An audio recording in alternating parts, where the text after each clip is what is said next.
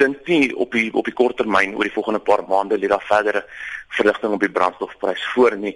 Groot rede is is dat die olieprys alhoewel hy nog kan val, uh, baie analiste praat van die laat 20s en 20 dollar toe. Uh, moet jy ou besef dat ons nou baie naby is aan die marginale koste van produksie vir meeste van die Midde-Oosterse lande. En dan gevolglik of of die olieprys kan baie lank in hierdie rondom hierdie vlakke bly maar die groot verlaging in olieprys wat ons gesien het oor die laaste 18 maande is verby en en en daai positiewe invloed is verby. Daarvolgens sou die olieprys rondom hierdie vlakke bly en ons te verdere agteruitgaan van die rand sou daar verdere verswakking wees in die rand.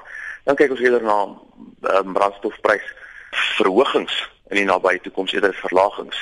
Uh, nou praat ek natuurlik van oor die volgende paar maande, nie wat in die volgende maand gaan gebeur nie. So die rand sal moet versterk as ons voordeel uit die laer prys van olie wil trek.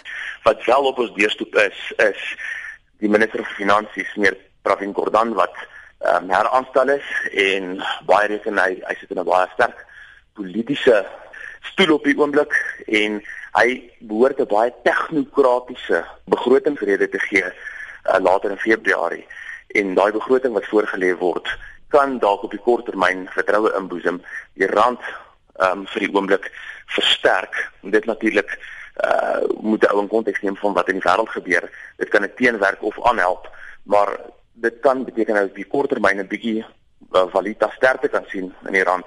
En dit beteken ja uh, ons mag dalk vir die eerste maand of twee sterker was ook ons eers eerstens sê wat ons gesien het tot onlangs. En dan saam met dit uh, verlaging in die brandstofprys. Maar wat daarna gaan gebeur is is nog meer duister as wat ek nou net verduidelik het